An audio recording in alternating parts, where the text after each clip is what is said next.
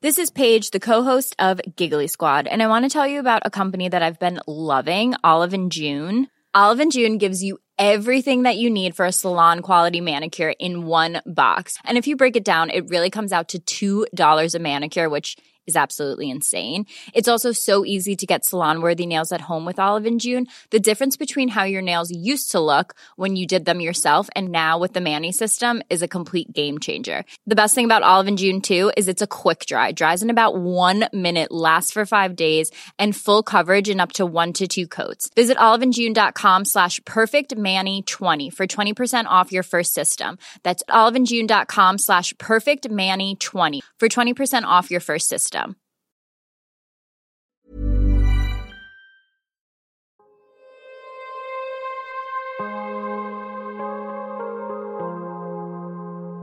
Vores mentale sundhed er nedadgående, og det er til trods for, at vi aldrig har været rigere, aldrig har haft flere muligheder og aldrig har levet længere. Det skal vi selvfølgelig tale højt om, så vi kan blive klogere på, hvordan vi får det bedre. Podcasten her handler om, hvordan vi kan lykkes med at være gladest og friest muligt i det ene, ofte ret travle liv, vi har. Og den handler om, hvordan vi kan lykkes med at være både professionelt ambitiøse og passe på os selv på samme tid. Jeg taler med eksperter og privatpersoner om alt det, der fylder inde i os. Min erfaring er, at når vi taler højt om de ting, så opdager vi, at der er mange andre, der bøvler med de samme ting. Og jeg tror virkelig på, at vi kan lære af og inspirere hinanden ved at dele vores sårbarheder, erfaring og viden. Så velkommen til Vores Mentale Sundhed, en Mindcare Collective podcast. Jeg håber meget, at du vil lytte med, og at du følger med på min Mindcare Collective profil på Instagram, hvor jeg hver dag deler indhold til refleksion, motivation og inspiration. Jeg hedder Lea Helmand. I podcasten i dag har jeg besøg af Jeanette Frost Ebstrup, som er uddannet læge og har en Ph.D. i mental sundhed. Jeg har inviteret Jeanette til at være med som den første gæst her i min podcast, fordi jeg synes, det giver mening at tale med hende om hele udgangspunktet for podcasten, sådan helt grundlæggende. Altså om, hvorfor vi ser de tendenser i samfundet, som vi gør, der relaterer sig til mental sundhed og til det, der fylder inde i os. Men derudover så skal jeg også og faktisk især tale med hende om, hvad det er, vi hver især kan og bør gøre for at blive mentalt stærkere, for forebyggende at tage os af vores egen mentale trivsel. Inden vi starter vil jeg som altid også lige nævne, at du helt gratis og nemt kan støtte, at der bliver ved med at komme nye afsnit af vores mentale sundhed. Det gør du selvfølgelig først og fremmest ved at dele, at du lytter med derude. Derudover betyder det selvfølgelig også rigtig meget, hvis du rater podcasten, anmelder den og subscriber til den i din podcast-app, hvis du kan lide det, du hører. Du kan også donere et valgfrit beløb til podcasten. Det gør du via MobilePay-nummeret 155503, som du også kan se i tekststykket under afsnittet her. Det er alt sammen med til at støtte, at der kan blive ved med at komme nye afsnit. Tusind tak. Hej Janette, velkommen til. Tak skal du have, Lea. Janette, i dag er du med den snak, som vi skal have med til at skyde min podcast, Vores Mentale Sundhed, en Mindcare Collective podcast i luften. Og det er jeg simpelthen så glad for, at du vil være med til. Det bliver spændende. Jeg ja, det også. gør. Jeg synes, at øh, det vil være relevant at tale med dig, fordi du kan bidrage til diskussionen omkring hele podcastens udgangspunkt. Altså det her med, at vi aldrig har været rigere, at vi aldrig har haft flere muligheder, og at vi aldrig har levet længere. Alligevel så er vores mentale sundhed paradoxalt nok nedadgående. Der er mange flere, der får diagnoser som angst, depression, som føler ensomhed.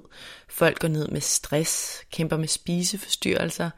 Folk kæmper med deres selvværd, med ikke at sammenligne sig med andre og, og meget mere i samme kategori. Hele det udgangspunkt, det skal vi tale lidt om, men vi skal også og måske især tale om, hvad vi proaktivt eller forebyggende selv kan gøre for at blive mentalt sunde og robuste, for at få et øh, friere, gladere, mere balanceret og mentalt sundere liv. Men inden vi dykker ned i det, Jeanette, så vil jeg gerne starte med lige kort at introducere dig. Jeanette, du er 52 år, Du er gift, du har tre voksne børn, og du bor i København. Du er uddannet læge og har en Ph.D. i mental sundhed. Du har certificeringer inden for både positiv psykologi og compassion. Du har virksomheden Mind Changers, hvor du netop arbejder forebyggende med mental sundhed, og det kommer vi til at snakke mere om. Og så arbejder du samtidig som konsulent inden for mental sundhed. Er det en korrekt overordnet introduktion af dig? Det synes jeg rammer meget fint. Det er godt. Lad os springe ud i det. Jeanette, først og fremmest, vi ser de her nedadgående tendenser i samfundet omkring mental sundhed, som jeg var meget optaget af. Både på diagnoseplan, men også i forhold til, at vi generelt bekymrer os meget om, hvorvidt vi er lykkelige nok, er vi gode nok, om hvorvidt vi slår til karrieremæssigt og så videre. Det er jo ikke diagnoser, men det er noget, jeg oplever fylder meget hos folk, og det er også noget, jeg selv kender til. Jeg hørte på et tidspunkt Vibeke Korshed udtale sig omkring emnet. Hun er forsker i mental sundhed også, og så er hun leder på Institut for Psykologi på KU. Hun nævnte det her med, at vi selvfølgelig taler mere og mere end før om alle de her diagnoser og mentale emner, og hun nævner, at det selvfølgelig også er med til at påvirke de her stigninger, vi ser.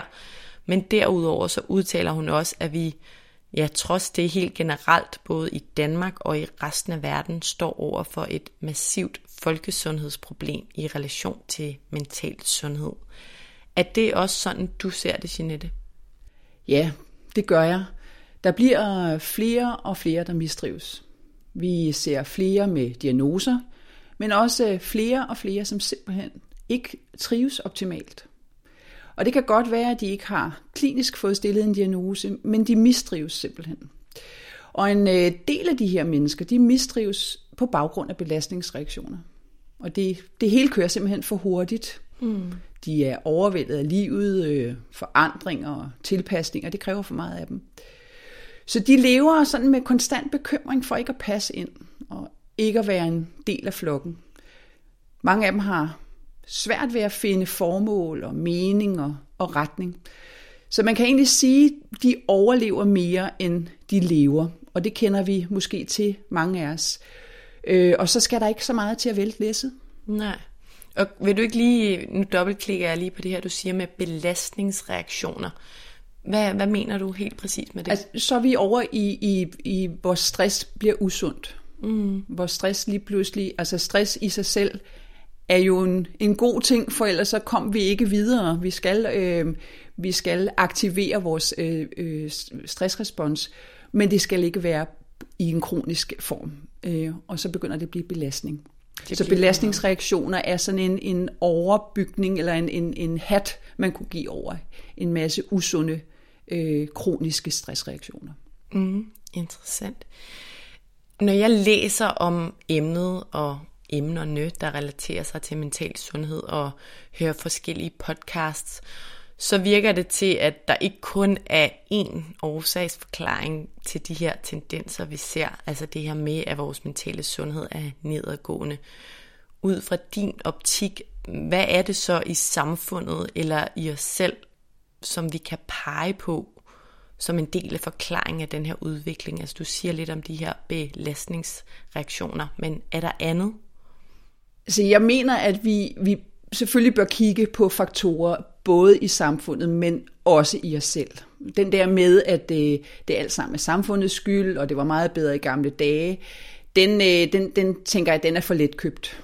Mm. Det er rigtigt, det moderne samfund, vores livsstil, vores skoler, vores arbejdspladser, de har helt sikkert en bestemt øh, rolle, en bestemt en aktiv rolle men øh, vi lever nu engang i det her samfund, så på en eller anden måde må vi også tage poweren hjem ved at se på, hvordan vi selv kan træne os til mere mental robusthed. Øh, og hvis vi skal øge vores mentale robusthed, vores resiliens, som det hedder på, på fint sprog, jamen så må, må vi måske prøve at forstå vores hjerne og vores sind. Og øh, vi lever i en moderne verden med et kæmpe højt forandringstempo der virkelig stiller store krav til vores omstillingsparathed. Og den menneskelige hjerne, den er som udgangspunkt imod alt, hvad der hedder forandringer. hjernen den øh, arbejder efter sådan et genkendelsesprincip, eller det, man kunne kalde mønstergenkendelse. Øhm, for deraf, når den, når den opdager noget, kan lære det og automatisere sine arbejdsmetoder. Så det er egentlig sådan, er det ikke for at reducere den kompleksitet, der Lige er præcis. verden? Og for at spare energi. Ja. Det betyder, at vi handler efter gamle vanemønstre. Mm. Øh, og når hjernen genkender tidligere lavet input, så kan den nemlig reagere med det, den er vant til. Den kan altså bedst lide, at i dag er som i går. For så kan den køre på rutinen. Så man kan sige, at hjernen er vild med alt det, den kender. Øh, det, det opleves af hjernen som rigtig trygt og rigtig forudsigeligt. Men det betyder til gengæld også, at hjernen ikke kan lide og ikke bryder sig om uforudsigelighed og foranderlighed. Gælder det for alle? Ja, det er vores gamle hjerner. Det er sådan, vi, vi det er der, vi er nået evolutionært. Øhm, som udgangspunkt i hvert fald, er vi, er vi alle ens på den, på den front.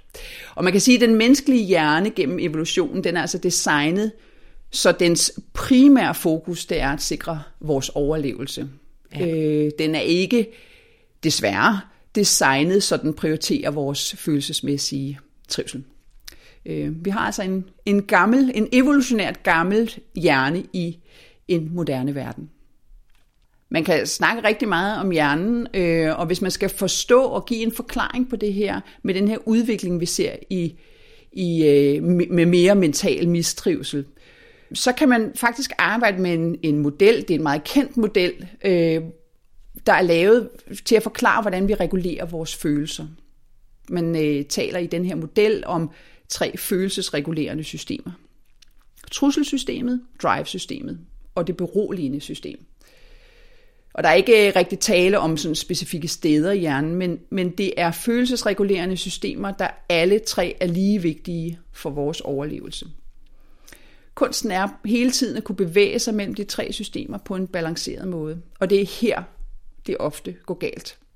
Mange af os har skabt en, en ubalance i den måde, vi lever på, og den måde, vi er i verden på.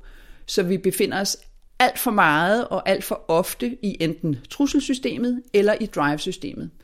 Og vi glemmer at befinde os i det beroligende system. Hvordan kan det være? Øh, jamen altså, både trusselsystemet og drive-systemet har til opgave at få os til at handle, til at få os til at agere. Og kort fortalt, så kan man sige, at trusselsystemet har til opgave at motivere os til at flygte eller kæmpe eller sådan blive passiv. Øhm, og det kunne man sige sådan på vores forfædres tid, det kunne sikre vores overlevelse, hvis vi altså oplevede trussel og fare. Og de her handlinger, at kæmpe og flygte, de er derfor drevet af det, vi kunne kalde de negative følelser, altså vrede og frygt og had og afsky og jalousi, øh, mindre værd. Drive-systemet, det er også designet til at få os til at handle og, og ligesom gøre noget og opnå noget. Men modsat trusselsystemet, så er det faktisk drevet af positive følelser, som glæde eller begejstring eller nysgerrighed. Det kan også være magt og anerkendelse og status. Så drive-systemet er drevet af en motivation om at opnå ressourcer og stræbe videre. Og det anspores til aktivitet og til handling. Man kunne kalde det sådan lidt, lidt kægt. Keep pushing through.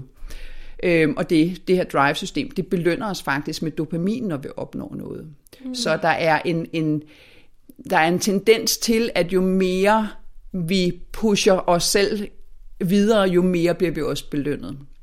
Så det er derfor, at det samfund, vi er i, hvor vi hele tiden på nogen måde bliver belønnet og rost, når vi bevæger os fremad og opad. Ja, altså man, man kan sige, at de her to systemer, vi lige har snakket om, de er begge to, man kunne kalde det aktivitetssystemer, der motiverer os til at gøre noget og til at handle. Øh, og det betyder selvfølgelig, at når, når de er aktive, så er det sådan lidt i overført betydning, som om vi træder på speederen. Vi er på vej. Mm. Øhm, og hvis de to systemer, de er overaktive, og ikke ligesom bliver udbalanceret med aktivitet i det beroligende system, som er ligesom at træde på bremsen, ja, så kører vi faktisk med speederen i bund hele tiden. Øh, vi bliver i det her stress mode, men bare på med, hvad skal man sige, to forskellige motiver. Det ene for at undgå noget, altså undgå trussel, og det andet for at opnå noget. Det, der driver os frem. Øhm, Og vi bliver den her, det her stressmode, hvor man kan sige op, videre, fremad, øh, mere, flere, større, bedre. Altså man er hele tiden i det her fremadstræbende øh, øh, mode, mode kan, ja, kan man sige. Fordi vi talte en lille smule om det, inden vi startede i dag. Altså det er jo noget, jeg i hvert fald godt kan genkende, det der med, jeg hele min folkeskoletid og min studietid har det handlet om gode karakterer, og jeg har arbejdet fremad og fået de der gode karakterer, jeg har kunne klare det, og da jeg var færdig med studiet, fik jeg et godt job og videre fremad. Altså, det vil jeg ønske, jeg havde været en lille smule mere oplyst eller disciplineret omkring at stille spørgsmålstegn ved, men det var ligesom bare det, jeg skulle, og det fordi det var det, jeg så, og det er meget interessant, at, at jeg egentlig ikke har pauset mig selv i det, og lige taget det stille og roligt, eller lige taget en pause. Men Lea, du er som, som vi er flest. Vi er alle sammen, øh, hvad skal man sige, drevet ind i den her måde at leve på. Det er det, det moderne samfund. Og øh, vi er faktisk i konstant konkurrence og sammenligning med os selv og med andre. Vi er i konkurrence for at opnå, vi er i konkurrence for at være socialt anerkendt, vi er i konkurrence for at passe ind, vi er i konkurrence for at vælge rigtigt, vi er i konkurrence for at være og fremstå i en eller anden bestemt udgave af os selv. Og man kan sige, at vores omgivende samfund, altså det moderne samfund, vores medier, og måske især vores sociale medier, de er med til at fremme den her sammenligningskultur øh, eller konkurrencementalitet. Fordi alle andre de klarer sig jo godt. Ja. Alle andre har succes. Alle andre kan og vil og stræber fremad, og alle andre opnår. Så hvis jeg ikke gør, så må jeg jo være fejlagtig. Så må jeg jo være mislykket. Og det er jo den store humle med sociale medier, og noget, der optager mig rigtig meget, og også noget, vi skal tale meget mere om i de kommende podcast-afsnit blandt andet. Men det her med at sammenligning er jo grundlæggende en, en, en sund evne, fordi den motiverer os, men fordi vi konstant kan sammenligne os med andre og med andet på en måde, som, eller på en måde, hvor vi i hvert fald ser nogle perfekte glims af en uperfekt verden, så bliver det farligt for os, ikke? fordi det konstant fylder hos os. Hvis vi ikke virkelig lægger det væk, eller er opmærksom på, hov, som du siger, ja, alle de andre klarer det godt, men inde bagved, så er der nok også nogle ting, der, der fylder hos dem. Og alle andre er ligesom som dig selv. De har også deres at slås med og bøvle med, kan man sige.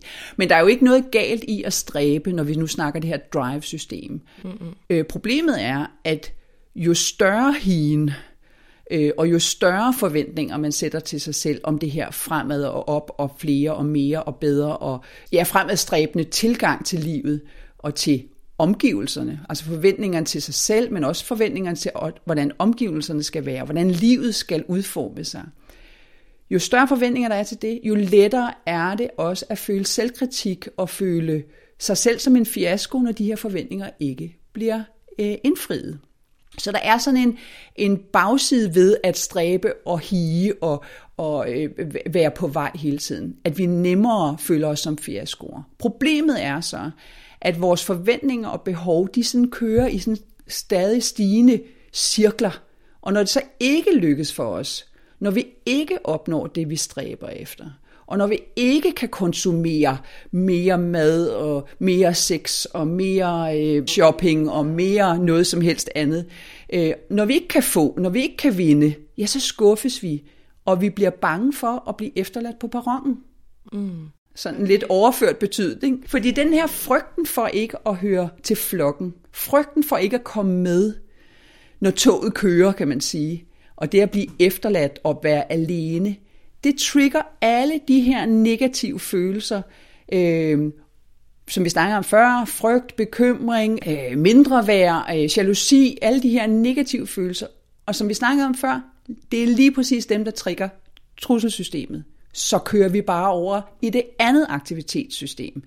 Så der er en tendens til, at vi bliver ved med at danse mellem de der to aktivitetssystemer, og vi glemmer at, hvad skal man sige, udbalancere det, eller balancere det med vores beroligende system. Ja, og vi kommer lidt tilbage til, hvad vi kan gøre hver især. Jeg kommer lige til at tænke på, når du siger det med spiren, faktisk så sent som i går, så så jeg, ja, jeg tror det var en, en post på Instagram, med, med faktisk et billede af en speeder i bund, og hvor der stod, du gør heller ikke det her på bilen, når den ikke har noget benzin. Og selvfølgelig en analogi til det her med, at vi har en tendens til bare køre derud af og trykke på den speeder, og vi skal fremad og videre med alle, på alle parametre i livet.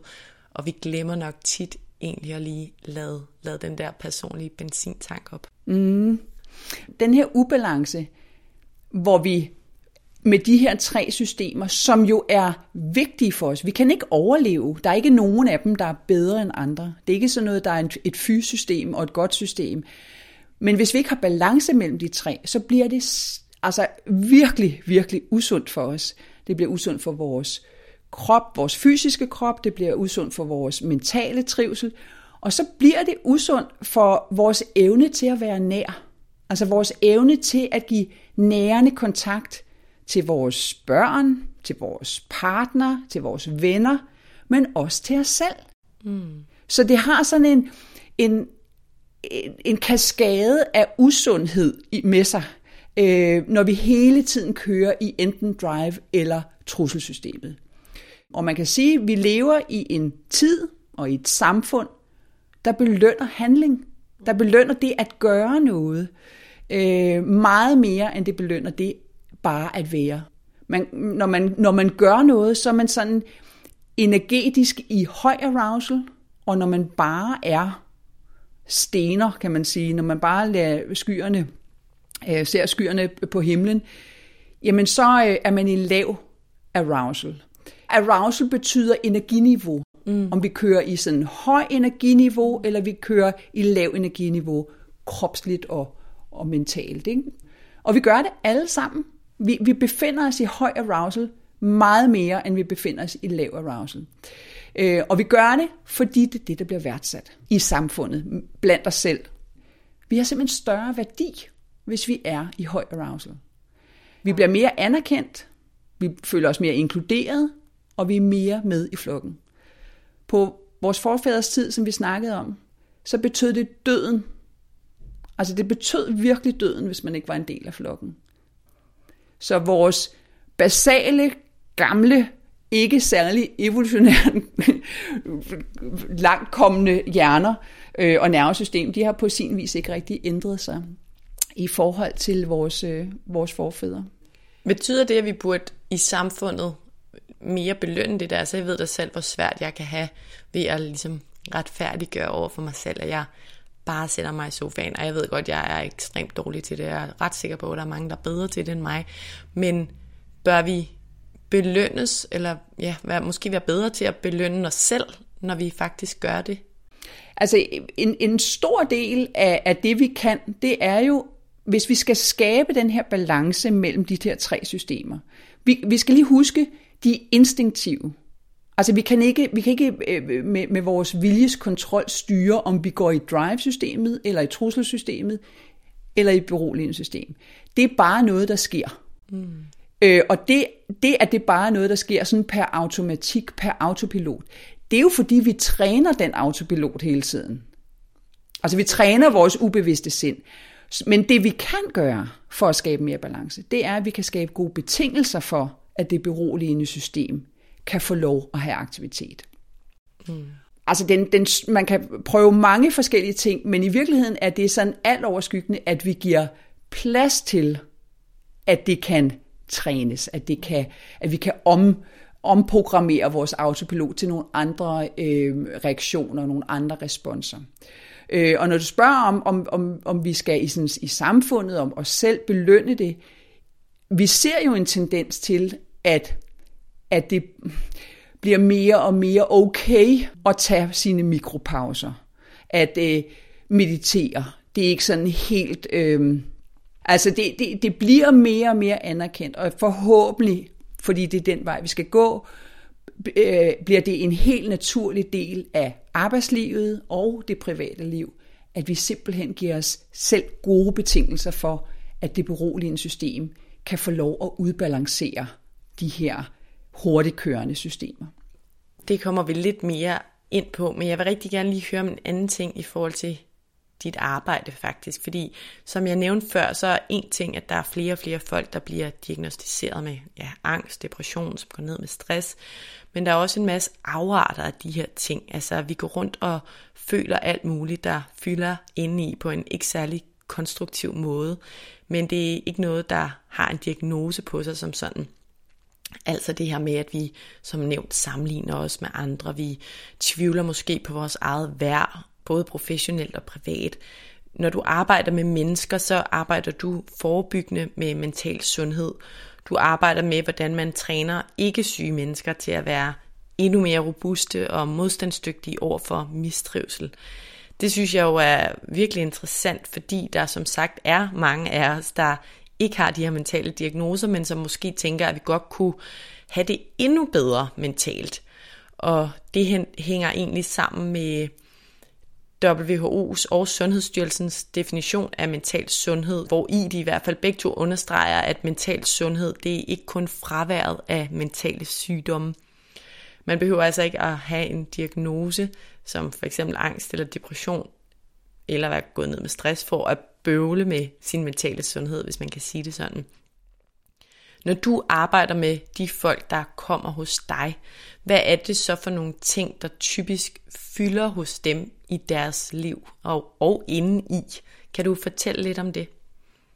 Ja, men som du meget rigtigt er inde på, så kan man sige, at min, min tilgang til mental sundhed og mental velvære og, og, og trivsel, det er mere forebyggende og opbyggende frem for terapeutisk. Og det betyder jo, at øh, mange af de mennesker, jeg møder, det er raske mennesker, der er nysgerrige på, hvordan de kan opbygge mere robusthed og få mere plus på kontoen, kan man sige, øh, til at møde livet, som det nu engang er, med al den modgang, der også er i deres liv.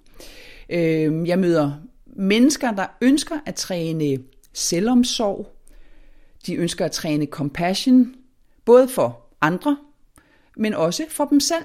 Kan du ikke lige uddybe for dem, der ikke er helt med på, hvad compassion betyder? Compassion er en medfødt evne, vi har til at kunne rumme svære følelser. Vi, er bare ikke, vi har ikke været så gode til at, at dyrke det. Vi har glemt det lidt, og vi prøver nogle gange nogle meget uhensigtsmæssige måder at at undgå svære følelser, undgå at være med svære følelser.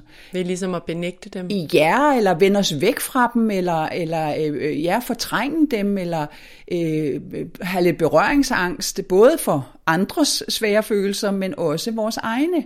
Men det er svære følelser og modgang, og, både de store tab og sorg og traume, men også de, de mindre, øh, øh, hvad skal man sige, øh, glorificerede øh, som irritation og frustration og nedtrykthed og bekymring og dagligdags svære følelser. Det er hos os alle. Altså, der er ikke nogen, der går fri. Alle møder svære følelser. Alle møder tab og sorg. Alle møder irritation og frustration og mindre værd og hvad, hvad vi nu ellers snakker om. Så compassion er en, en træning til at kunne være med og rumme svære følelser og kunne agere på en mere hensigtsmæssig måde, når vi møder øh, svære følelser. Det er den korte version. Tak. Men, øh, men altså, du spurgte, hvem, hvem det er, jeg møder, men det er øh, primært, øh, hvad skal man sige, raske mennesker, der gerne vil træne mere, en mere hensigtsmæssig måde at være med deres liv på, med at være med deres svære følelser, som, som vi lige har snakket om. De vil gerne træne noget mere selvomsorg, noget compassion, som vi snakkede om. Øhm, og, så, øh, og, og simpelthen være i livet på en mere selvkærlig måde. Og så vil de gerne lære, hvordan man kan følelsesregulere, det vi lige har snakket om før, på en, en måde, som, som ikke giver os følelsesmæssig forstoppelse. Altså hvor vi ligesom øh, gemmer, gemmer på alle de her svære følelser inde i os selv, men bliver bedre til sådan lidt i overført betydning at fordøje dem. Altså at, at, at, at acceptere, at de er der, kunne rumme, når de, er, når, de, når, de, når de opstår, men også at kunne lade dem passere igennem vores system øh, på, en, på en selvkærlig måde, på en hensigtsmæssig måde. Så altså de mennesker, jeg møder, det er, det er unge, det er ældre, det er kvinder, det er mænd, øh, og det er, det er helt almindelige mennesker som dig og mig, der bare bøvler med svære følelser på samme måde som dig og mig. Mm. Der er ikke en overvægt i det ene køn, for eksempel, frem for det andet. Øh, der er en, en, en, en tendens til, at kvinderne er bedre til at ville arbejde med det her, men det er jo ikke fordi, at mændene ikke møder bøvlet og de svære følelser. Og jeg tror nok, det kommer. og, og jeg synes, der er en rigtig vigtig pointe til, til, til alle, som lytter med her. Øh, det er det her med, at vi er ikke så forskellige. Altså, det går op og ned for os alle sammen. Øh, og de mennesker, jeg møder i mit professionelle liv, de har bare et, et ønske om at lære at være mere selvkærlige og, og mere til stede og lære at rumme og være med de her svære følelser, som livet konstant vil bringe. Både deres egne og andres. Det er jo også øh, meget tæt koblet til formålet for Mindcare Collective og den her podcast, det her med, lad os tale højt om de der ting, fordi vi kender dem alle sammen, men vi har en tendens til at gå lidt med dem ind i, og jeg kan i hvert fald genkende mange af de ting, du siger, både i forhold til at ja, være mere, give mig selv mere selvomsorg, være mere nærværende, være med mine følelser og, øhm, og så videre. Så, øh, men, men den her med, at, at, at når vi ser på, på naboen eller på øh, medpassagererne i bussen, eller så har vi en tendens til at tro, at, øh, at, at alle de svære følelser, jeg selv bøvler med, det, det er kun mig. Men det er det ikke. Nej. Vi, vi er meget mere ens, end vi er forskellige. Og det tror jeg virkelig, der er en, en styrke i at tale om. Ja, absolut. Janette, lad os tale lidt om, hvad vi kan gøre for at opbygge en mental robusthed. Evnen til ligesom at dele med livets modgang, som, som jo kommer til os alle sammen på den bedst mulige måde. Da vi to talte sammen allerførste gang i, i telefon, så var du inde på det her med, at øh, det er vigtigt at forstå, at der ikke er one size fits all i forhold til mental sundhed og hvad vi kan gøre for at få det bedre i livet. Vil du ikke uddybe det for mig? Jo, det, det vil jeg gerne. Øhm, jeg, jeg vil egentlig, hvad skal man sige, øhm, pinpointe den her med risikoen for at lade ydre faktorer bestemme eller diktere vores mentale trivsel. Jeg tror, det er der, der er, det, det, det, det ligger mig allermest på sinde. Mm. Øhm, at vi hele tiden leder efter noget derude, altså væk fra os selv, uden for os selv, øh, der skal trøste os, eller hæve vores selvværd, eller gøre os mindre ensomme, eller mindre stressede, eller hvad det nu er, vi bøvler med. At vi kører en sådan en hvis bare jeg havde mere af dit, eller hvis bare jeg havde mindre af dat, så ville mit liv være anderledes. Så ville mit liv være bedre. Så ville jeg trives. Så den her fare for, at vi hele tiden hænger vores hat på noget, på noget ydre. Altså, øh, øh, vi, giver, vi giver poweren fra os. Vi, øh, vi venter på det næste, der skal komme og fikse os. Ja, bare lige en kommentar til det. Jeg synes, det giver så god mening. Jeg tror bare, at virkelig mange kan genkende det der, nu siger du, vil have mere eller vil have mindre. Altså, wow, hvor jeg tit møder nogen, der er sådan, jeg skal bare lige have det der job, eller jeg skal bare lige få den lønforhøjelse, eller sælge den virksomhed, eller ej, hvis jeg bare lige havde lidt flottere bryster, eller hvis jeg bare ikke lige brugte briller, eller havde de brede hofter, eller nu karikerer jeg det selvfølgelig lidt, men det er virkelig noget, vi går og føler, ikke? Meget nemt i hvert fald, et eller andet, vi vil have eller ikke vil have. Altså den der hvis bare så, den er, øh, den er rigtig, rigtig øh, ødelæggende for os selv. Og man kan sige, øh, mental velvære, mental trivsel, det er for mig en indre fornemmelse, øh, som ikke absolut kan eller skal fikses af noget ydre. Øh, og der er rigtig mange gode initiativer, og rigtig mange gode velmenende råd. Øhm, og de kan virkelig være gode, og kan være øh, velmenende og, og, og, og, og, hvad det, øh, og, og gode for den enkelte. Der er rigtig mange muligheder, øh, som givetvis kan være brugbare for den enkelte. Der er bare ikke nogen universel fixer. Der er ikke nogen universel opskrift på trivsel og lykke, for det kommer fra dig. Øhm, og jeg er, er i hvert fald den klare overbevisning, at, at mental trivsel skal komme indefra, og det ikke absolut øh, kommer af sig selv. Det er et aktivt valg at ville træne mental trivsel. Og det er måske i virkeligheden mit vigtigste budskab, at vi ikke bare venter. At vi ikke bare venter og venter og venter på, noget skal ske, noget skal forandre sig, nogen skal fikse det. Men risikoen for, at vi kommer til at vente hele vores liv, øh, det er træning. Det er træning at være i mental trivsel. På samme måde som det er træning, hvis vi vil have træne vores intellekt og gå i skole, eller hvis vi vil træne vores fysiske krop øh, og løber øh, øh, solen sort, eller at vi vil træne vores musiske evner og sidder øh, ved klaveret hele dagen. Så det er det, det, det er træning, men at træning også er krævende. Altså det, det er ikke noget, vi klarer på et weekendkursus. Eller siger, når man, øh, det, det, jeg starter på mandag, og så er den, så er den på det ude. Det er simpelthen hårdt arbejde. Og, og, og det er jo før man kan ligesom indse, at tage poweren hjem, og så tage det aktive valg, at man vil træne sin mentale trivsel, sin mentale velvære, selvom det er hårdt. Selvom det går op og ned. Men det gør det også, hvis man skal ud og, og løbe. Og det gør det også, hvis man skal blive koncertpianist. Øhm. Og det er det, vi lidt glemmer, ikke? Fordi jeg tror, igen talte vi lidt om det her indledende, inden vi tændte for mikrofonerne, men jeg synes selv, jeg har været på en mental rejse de sidste mange år, og jeg har i den grad lært en masse om mig selv og mine tankemønstre. Og jeg er også, jeg synes også, jeg formår at handle på en mere øhm, fordelagtig måde på, på mange punkter, men wow, hvor er der også mange ting, som jeg godt ved, man stadig kæmper med at, at gøre og, og eksekvere på, fordi det netop kræver træning. Altså det er i hvert fald også en af de pointer, jeg har meget højt på min huskeliste, at det kræver tid, det kræver prioritering, det kræver øvelse, og det er jo nok derfor, der findes millioner af, du ved, selvudviklingsbøger, fordi vi kan læse dem alle sammen, og så kan vi tænke, så, nu kører det for mig. Men det gør det jo ikke, medmindre vi implementerer det i vores liv kontinuerligt og langvarigt.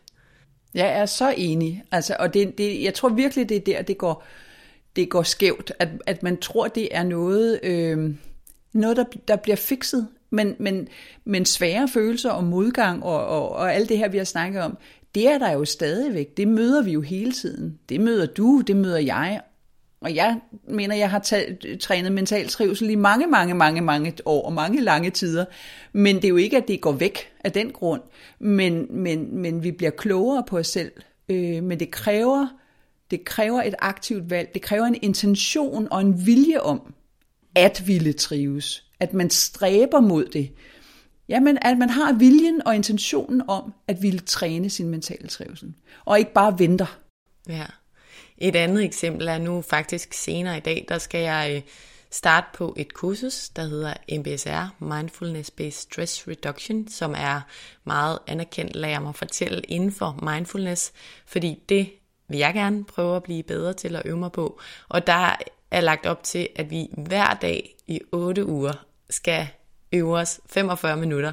Og bare da jeg fik det at vide, tænkte jeg, hold da op med arbejde og to børn og socialt liv og, og også noget fysisk træning, selvom det ikke er meget, jeg får nået for tiden, så er det virkelig meget, ikke? og det er bare et eksempel på, at det kræver dedikation. Altså, det er meget i hvert fald, synes jeg, 45 minutter hver dag i 8 uger.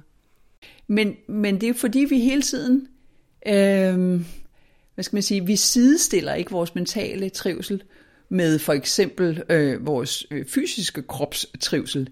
Altså, hvem synes ikke, det er helt fint at være nede i fitnesscenteret en time eller to? Men at sætte sig 25 minutter og, og, og, og være med, sine, med, med det, der er, kan man sige. Altså at lukke ydre stimuli ude og, og lige gå lidt i, sine indre landskaber. Det synes man er nærmest spild af tid, eller øh, for meget, eller øh, puha, det kan jeg ikke få presset ind. Og, og den dedikation, den, øh, den tager også tid at træne. Altså den tager simpelthen, det, det er voldsomt, men, men viljen og intentionen om at ville træne, så starter man måske lidt mindre, og så kan man så kan man opbygge det. Men, øh, men og det kan ikke sikkert, det kan være hver dag, og det er ikke sikkert, det kan være alt muligt, øh, men, men intentionen om at ville det. Mm. Jeg tænker også de otte uger, hvor man skal gøre det ideelt hver dag, er også for at opbygge netop en vane af, at man gør det måske en gang om ugen, eller to gange om ugen, men at man får det ind først meget intensivt, og så kan du se. Altså hvis, hvis vi skal lige præcis, nu tager du selv øh, MBSR øh, op, men hele mindfulness øh, tilgangen, det at være øh, i nuet, være med det, der er, øh, være i sine, med sine indre landskaber, lære at, at, at regulere sine, sine øh, følelser, bare acceptere, at de er der, og øh, hvad der nu hører med til hele mindfulness-træningen, øh, og dermed også compassion-træningen, som jo i virkeligheden ligger meget tæt op af, af mindfulness-træningen. Øh, øh, når, når, vi, når, vi, når vi træner det her, så er det jo, som du siger, for at, for at opbygge en, en praksis. Øh, og den her opbyggelse af praksis, den kan godt tage lang tid, det har vi lige øh, snakket om. Men det er jo netop at give betingelser for, at det beroligende system kan få lov at arbejde. Så, så, man, så man, vi skal måske begynde også at, at tænke selv om, at er det, hvis jeg skal, hvis jeg skal trives mentalt, så bliver jeg nødt til at skabe de betingelser, der gør, at jeg kan balancere blandt andet mine følelsesregulerende systemer.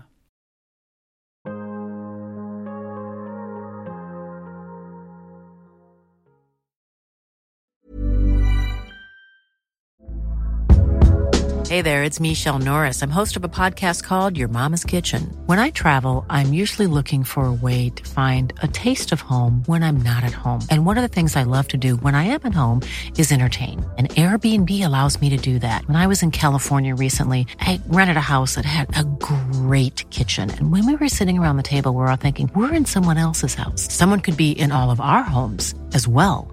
If you have a home, but you're not always at home, you have an Airbnb. Your home might be worth more than you think.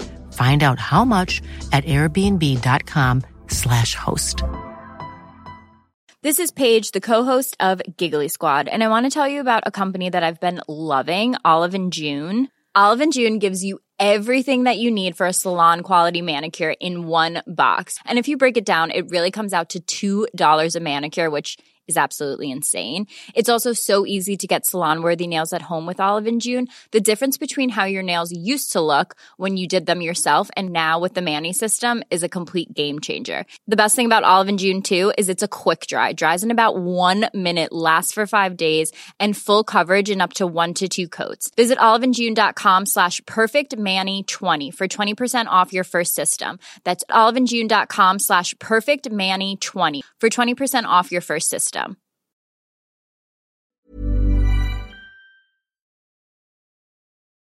Jeanette, hvad er det så, vi skal eller kan gøre hver især for at få det bedre, for at styrke vores mentale sundhed hver især, som du ser det. Altså der er ikke one size fits all, og vi har været, selvfølgelig været inde på noget af det, men er der noget, du vil tilføje, som vi hver især kan gøre? Altså, jeg, jeg, øh, jeg kan godt lide den der med, hvad vi kan gøre. Øh, og det er sådan mere de, de, øh, de tiltag eller aktiviteter eller måde. Men jeg, men jeg vil, vil gå så langt at sige, at der er noget, vi skal gøre. Altså, vi bliver simpelthen nødt til at tage os selv alvorligt. Mm. Øh, det, det er ligesom første skridt. Vores mentale trivsel bliver vi nødt til at tage alvorligt. I lige så høj grad som om vores, kan vi kalde fysiske krop, øh, er sund og rask og, og, og har det godt. Øh, og jeg, jeg tænker egentlig, at man kan tænke lidt over, hvad er trivsel? Altså, øh, hvad er selvomsorg? Det er, en, det er et meget godt refleksionsspørgsmål. Øh, man, kan, man kan gå og fundere lidt over, hvad er trivsel for dig? Øh, er det at komme sådan nogenlunde gennem dagen, uden at blive alt for stresset og overbelastet? Er det at få sin løncheck? Er det så trivsels, fordi så kan jeg købe noget mere og konsumere noget mere? Er det at komme sådan bare nogenlunde gennem livet, uden at falde sådan helt ned i mistrivselhullet?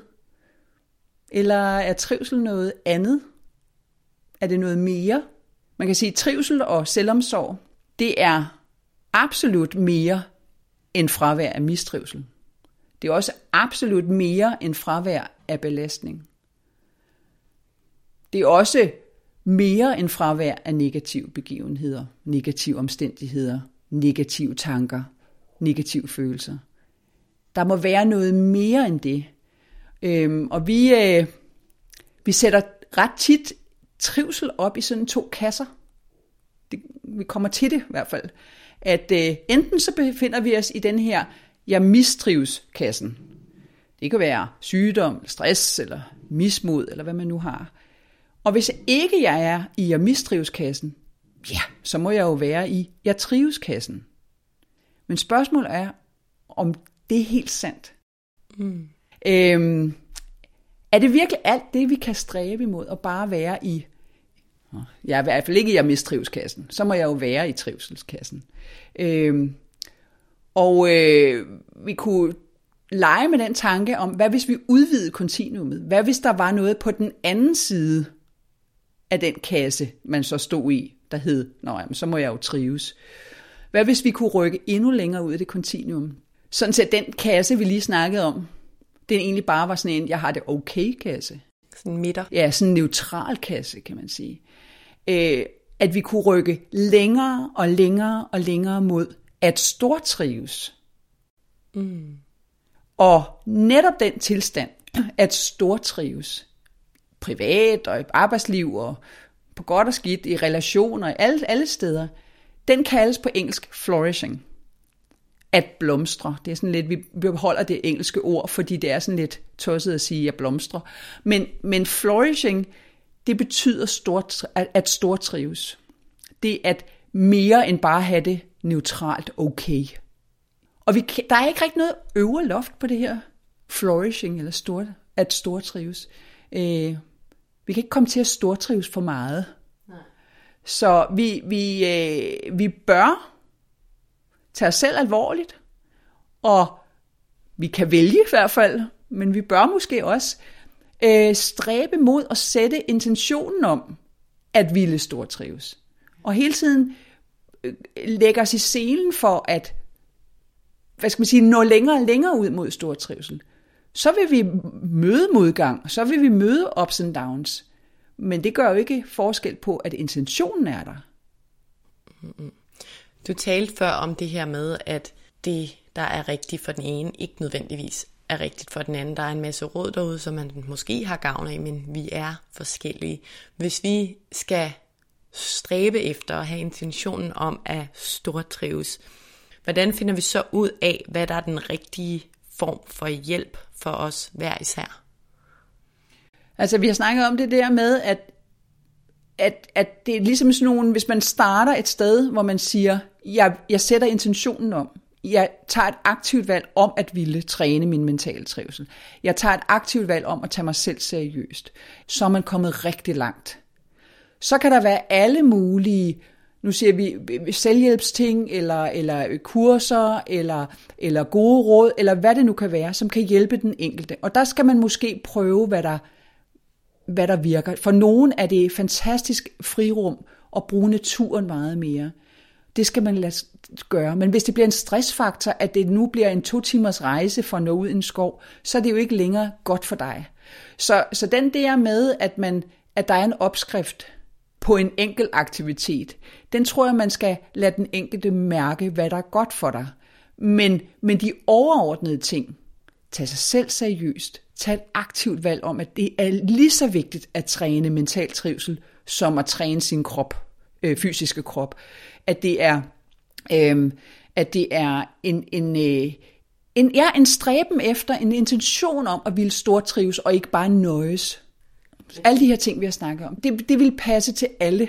Ja, jeg kom bare til at tænke på det her med, at du siger, at man skal ligesom prøve det, der fungerer, og det er nok også, fordi vi, tror jeg, mange af os stadig er der, hvor vi er i et samfund, hvor det med mental sundhed, du ved, vi sidestiller det ikke med så mange andre ting, og det betyder også, at når vi så endelig tager sammen til at lade os sige, nu skal jeg gå til en terapeut, for eksempel nu, det er bare et eksempel, ikke fordi man skal gøre det, så har vi måske også en højere forventning til, eller i hvert fald forhåbning om, at det er den rigtige første gang, fordi det er en, en effort, vi ikke er vant til. Hvorimod, hvis for eksempel vi taler om træning, så tror jeg, at der rigtig mange har, så har de prøvet at gå til fodbold, og så har de prøvet crossfit, og så kastede de sig ud i yoga, og nogle ting nogle gange, og fandt ud af, at der var noget, der var for dem, og noget, der ikke var. Jeg tænker, det er det samme, når vi taler om mental sundhed. Vi må, vi må prøve det af, og bruge tid på det, og, og se, hvad der fungerer for os. Ja, og så måske, øh, hvad skal man sige, nå ind til en accept af, at det ikke er et, øh, nu kalder det weekendkursus, men altså det ikke er at læse selvhjælpsbogen, at det ikke er at gå til en terapeut otte gange, og så er den fikset, at det ikke er at, øh, at øh, meditere en, en gang imellem, fordi så øh, synes man, man har krydset noget af på to-do-listen.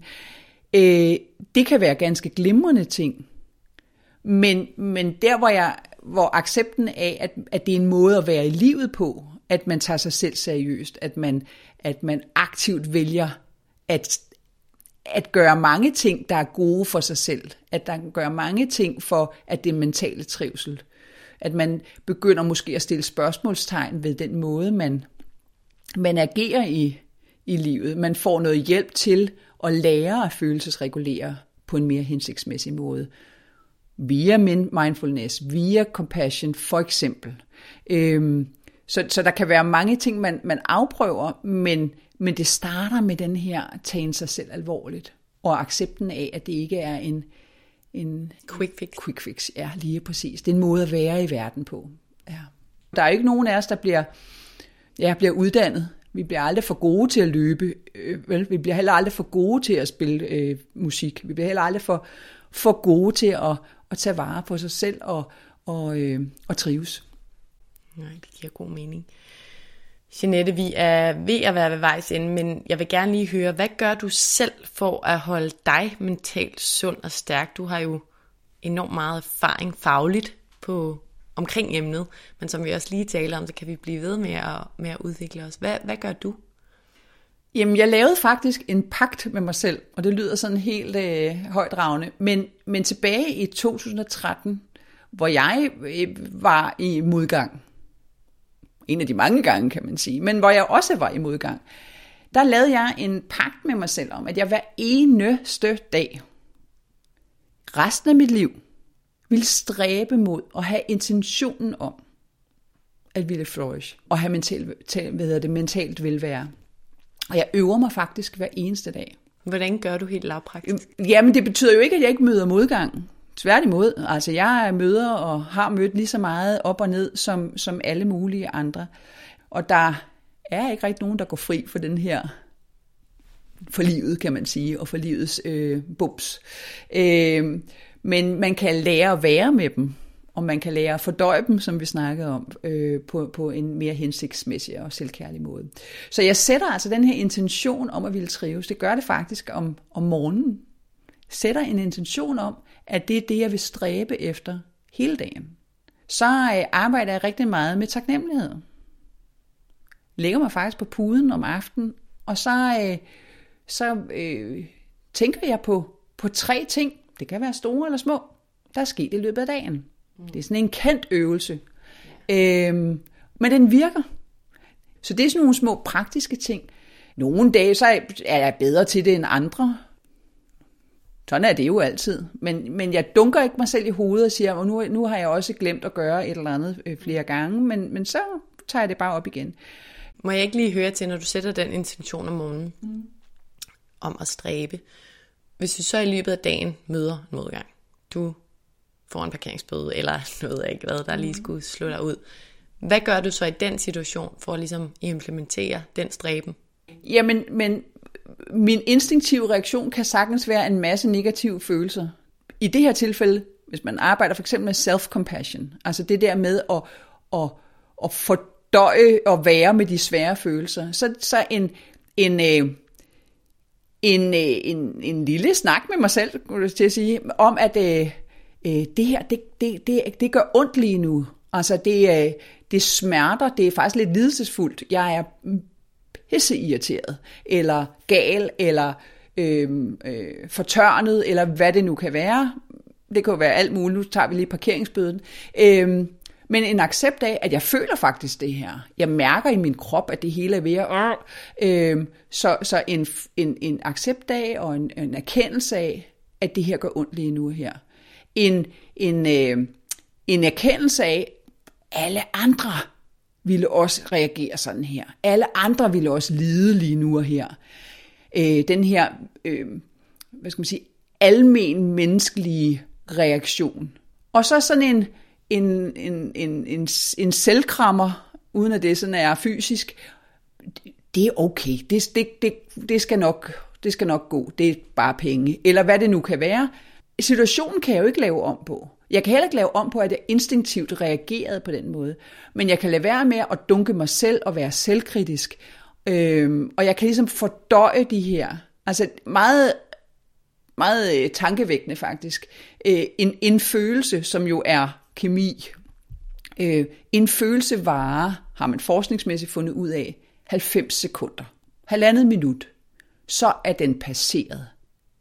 Og når vi nu går nu ikke lige parkeringsbøden, men noget andet, hvor vi går og er vrede, eller jaloux, eller øh, frustreret, eller kede af det, eller hvad det nu måtte være, i årvis, eller ugevis, eller dagevis, eller hvad det nu er.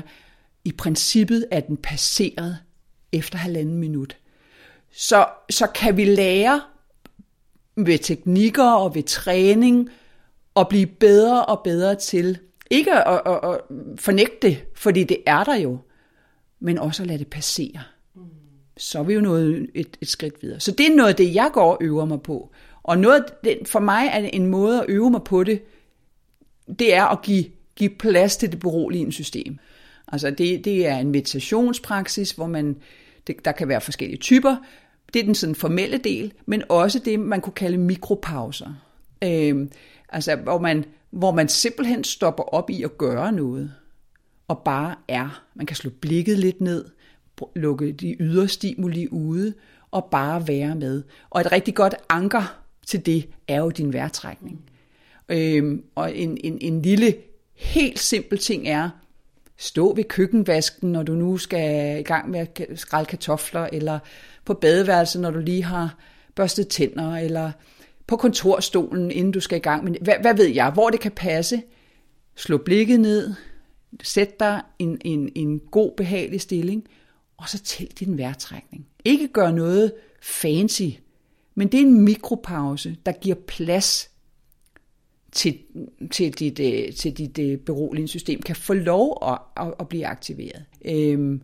Men selv det er en dedikation. Altså jeg, lige nu øver jeg mig på at gøre det der bare et par gange om dagen, og hvor kan jeg hurtigt blive reddet ind i sådan, åh, nu skal jeg lige skrive mailen færdig, eller jeg skal hente børn om lidt, så vil jeg meget hellere lige, du ved, forordnet det, jeg ellers skal. Så det er bare tilbage til, det er en prioritering. Ikke? Lige præcis. Og når du siger det, Lea, at, at det, at der vil du meget hellere noget andet, så er det fordi dit drive-system, at, at du kører instinktivt i dit drive-system, mere end du kører i dit beroligende system. Det kan jeg godt love for dig for, at det gør jeg. Så, så for dig kunne, kunne en træning være at dedikere mere og mere tid til både de formelle, altså de, meditationerne, men også bare de uformelle. Mm. Jeg prøver at praktisere det hver gang jeg børster tænder og går på toilettet. Janette, som en af de sidste ting, så vil jeg gerne lige høre dig om noget, som vi nok har været lidt inde på, men her til sidst, hvis lytterne skulle tage tre punkter, tre reminders med til sig selv, baseret på dit liv, din faglighed og erfaring, og det vi har talt om i dag, hvad er det så, du vil opsummere her til sidst, at de skal tage med for at fremadrette styrke deres mentale sundhed? Hmm. Jeg vil ønske, at øh, vores lyttere, de tog det med sig, at vi alle møder modgang, og vi alle møder smerte og lidelse, og at ingen går fri. Øh, at vi alle har gode og dårlige øh, dage, gode og dårlige perioder i livet. Øh, vi møder alle sammen tab og sorg og traumer, nederlag. Vi har alle sammen svære følelser, vrede, jalousi, frygt, bekymring, opgivenhed, mindre værd, utilstrækkelighed. Vi laver alle sammen fejl. Vi bedømmer alle sammen forkert. Vi kommer alle sammen til at såre andre. Vi tager alle sammen de forkerte valg en gang imellem.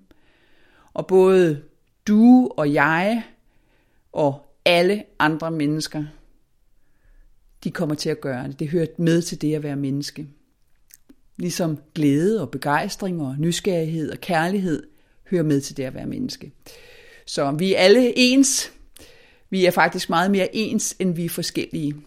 Så et lille, en lille øvelse kunne være, se på andre mennesker og tænk ind i dig selv, ligesom mig. Så det er i hvert fald en ting, jeg gerne vil give videre. Så kunne jeg godt tænke mig at give videre til vores lytter, at de skal tale ordentligt til sig selv.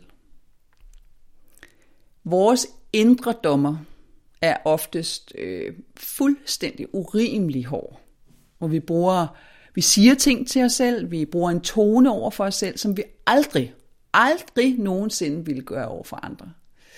Øhm, og når du møder svære følelser, når du møder det, vi kalder de negative følelser øh, hos dig selv, ligegyldigt hvad det kunne være, så træn dig selv i at være mere self-compassionate, altså selvkærlig, selvomsorgsfuld. Acceptere eller erkend, at det er ret menneskeligt, det der foregår lige nu i dig. Og så giv dig selv sådan en, en krammer, øh, så, det, så det også kan få lov at passere. Så det ikke får lov at forstoppe hos dig. Ja, det du også selv siger, ikke? at man vil aldrig nogensinde tale sådan til andre, så en god øvelse for sig selv og huskeregel er også, hvordan vil jeg egentlig reagere, hvis det var min bedste ven, eller min partner, eller mit barn, der oplevede det her. Og lige præcis det her med, med, med, med self-compassion, hvis man i, i hele den her proces, hvor man prøver at være mere selvkærlig, når der opstår et eller andet, så prøv at forestille sig, at lige præcis nu, der, der var det en, en god ven, der oplevede det her. Hvordan vil du så drage omsorg for den her ven? Ikke noget med gode råd, men hvordan vil du drage omsorg? Hvad, for noget, hvad vil du sige til vedkommende? Og hvad vil du gerne have, at, at, at din ven skulle huske, når du ikke lige var der? Og de sætninger, dem skal du sige højt for dig selv. Så øh, ja, det var nummer to, og så har jeg en, en, måske en tredje, og den har vi været inde på, så den vil jeg gøre lidt kort. Det er det her med virkelig at prioritere at give tid til at få aktivitet i det beroligende system. Sådan så at, og ikke bare den der med, det gør jeg lige gang imellem, men at det, det, det, det menneskelige system er gearet til hele tiden at være i vekselvirkning mellem de tre systemer. Som sagt, der er ikke det ene er ikke bedre end det andet. Vi kan ikke undvære nogle af de her følelsesregulerende systemer, fordi de er alle sammen skabt til, at vi, at vi overlever. Og vi har snakket om de to aktivitetssystemer, øh, men det beroligende system er også designet sådan evolutionært, for at vi kunne overleve. For vi kan, vi, restitutionen i os, både mentalt og i den fysiske krop, har været lige så vigtig for vores overlevelse. Så skab de her betingelser, altså øh, sæt tempoet ned, øh, luk, luk ydre stimuli ude for en, for en tid, øh, og så gå i dine indre landskaber. Mærk ned i kroppen, hvad sker der egentlig? Hvad fortæller den lige nu her? Bliv nysgerrig på den krop. Det er, det er hvad skal man sige, betingelser for, at det beroligende system kan få lov at være i aktivitet. Så det er den tredje, som er, det er sådan tre meget overordnede ting, men, men vi kan starte der. Ja, og helt afsluttende, Jeanette, er lidt mere abstrakt, så kommer et spørgsmål, som jeg personligt ret godt kan lide at stille folk. Hvad er meningen med livet for dig? Jeg elsker, at du siger for mig, fordi jeg har ikke svaret på, hvad meningen med livet er. Men, men jeg kan jo godt øh, øh, sådan reflektere lidt øh, i, hvad, hvad, hvad det er for mig. Og uden at det sådan skal lyde alt for klichéagtigt, øh, så er det faktisk hver eneste dag at stræbe efter at leve mit fulde potentiale. Øh, og med det at flourish, at stort trives. Og at leve mit fulde potentiale for mig, det er at omfavne alt, hvad der er ved livet. Både det lette og det glædelige, men også det svære og det tunge. Øhm, at ligesom tage det hele med, fordi det er livet. Vi kan ikke kun vælge glæden til og, og lidelsen fra. Den vil være der. Så meningen for li- med livet for mig, det er at øve mig og blive bedre hver eneste dag, selvom det er hårdt. Som vi snakkede om tidligere, jeg bliver formentlig aldrig fuldt uddannet. Men jeg øver mig. Og det er meningen med livet for mig. Ja, lad os øve os. Vi øver os, ja. Jeanette, tusind tak, fordi du vil være med i dag til at skyde den her podcast i gang. Jeg håber, at folk derude har fået noget viden eller inspiration med på baggrund af vores snak i dag. Det har jeg i hvert fald. Jeg synes, det har været både spændende og relevant at tale med dig i forhold til det samfund, vi lever i, og det, der foregår inde i os. Så tak, fordi du vil være med. Selv tak.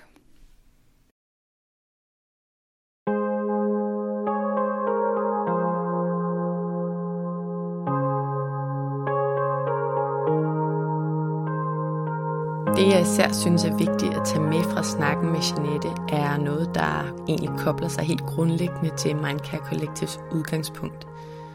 Mit ønske er jo, både med mit indhold på Mindcare Collective-platformen og med den her podcast, at vi skal i talesæt og aftabuisere en masse nuancer og emner, der relaterer sig til mental sundhed. For jeg tror på, at vi ved at dele vores sårbarheder og erfaringer kan lære og inspirere hinanden – i forbindelse med mental sundhed er der selvfølgelig en masse diagnoser, der er vigtige at tage fat på. For eksempel angst, depression, ensomhed, at folk går ned med stress og emner i den kaliber, kan man sige. Og det skal vi helt klart også tale om. Men det jeg især er optaget af, som Jeanette også er inde på, det er, at vi også skal tale om alle de ting, tanker og tankemønstre, der fylder hos os, selvom vi ikke nødvendigvis har en diagnose eller rent faktisk er gået ned med for eksempel stress eller lignende. Jeg synes, at der er noget overset i forhold til det trin, kan man sige, der ligger lige før, at vi når dertil. Jeg ved både på baggrund af mig selv og fra det, jeg har oplevet blandt venner og i samfundet, at vi nærmest alle sammen går rundt med nogle tanker og tankemønstre, som ikke altid er konstruktive for os. Det er nogen, der fylder og larmer frem for at gøre os friere og gladere, hvilket vel egentlig for mange er det primære mål i livet. Jeg synes altså, det er rigtig vigtigt at tale om de ting, der kan rykke os fra bare at trives og at have det meget godt, til vi store trives, som Jeanette kalder det, så vi virkelig lærer at få det bedst mulige ud af det liv, vi har. For vi har kun det ene liv. Noget andet, jeg også særligt tager med for at snakke med Jeanette i dag, er, at vi alle sammen er mennesker, og at vi er mere ens, end vi er forskellige. Det tror jeg, at vi har godt af at huske os selv på, når vi for eksempel sammenligner os med andre, eller når livet er svært. Vi vil alle sammen gennem livet blive mødt af medgang og modgang, og som dem, der følger med på Mindcare Collective på Instagram ved, så er det en overbevisning, jeg virkelig abonnerer på. Altså det her med, at vi ikke kan kontrollere, hvad livet egentlig byder os, men vi kan øve os i at kontrollere, hvordan vi møder det, som livet faktisk byder os. Og det kan gøre en kæmpe forskel i forhold til vores grundlæggende glæde. Det er der faktisk endda studier, der viser. Men det er ikke sagt, at det altid er let at praktisere, for jeg øver mig også, selvom jeg har den bevidsthed. Men for at referere til Janettes budskaber, så vil jeg i hvert fald øve mig i at have den intention hver dag. Altså intentionen om at møde det, der kommer på en selvkærlig og omfavnende måde. Vi skal i hvert fald huske, at det at blive mentalt stærke, det ikke er et quick fix. Vi skal træne vores mentale robusthed, ligesom vi træner og vedligeholder andre ting i livet. Vores fysiske styrke, vores venskaber og andre evner sådan helt generelt. Mental udvikling, det er en prioritering, og det er noget, vi bør prioritere hele livet. Det tror jeg i hvert fald på. Tusind tak, fordi du lyttede med i dag. Hvis du kunne lide det, du hørte, så husk, at du nemt og gratis kan støtte podcasten ved at dele, at du lytter med på sociale medier. Husk at tagge Mindcare Collective. Det betyder helt vildt meget. Hvis du kan lide podcasten, kan du også støtte den ved at rate eller anmelde den i din podcast-app, og ved at trykke på subscribe-knappen. Så ved du også altid, hvornår der udkommer et nyt afsnit. Det er alt sammen med til at støtte, at jeg kan blive ved med at lave nye afsnit af vores mentale sundhed. Som det sidste vil jeg også bare lige nævne, at du selvfølgelig altid er velkommen til at række ud, hvis du har Mom deserves the best, and there's no better place to shop for Mother's Day than Whole Foods Market. They're your destination for unbeatable savings, from premium gifts to show-stopping flowers and irresistible desserts. Start by saving 33% with Prime on all body care and candles. Then get a 15-stem bunch of tulips for just $9.99 each with Prime. Round out Mom's menu with festive rosé, irresistible berry chantilly cake, and more special treats. Come celebrate Mother's Day at Whole Foods Market. Der er feedback, idéer eller noget på hjerte, du gerne vil dele med mig. Du kan skrive til mig via min Instagram-profil Mindcare Collective eller via min hjemmeside mindcarecollective.com. Tak fordi du lyttede med.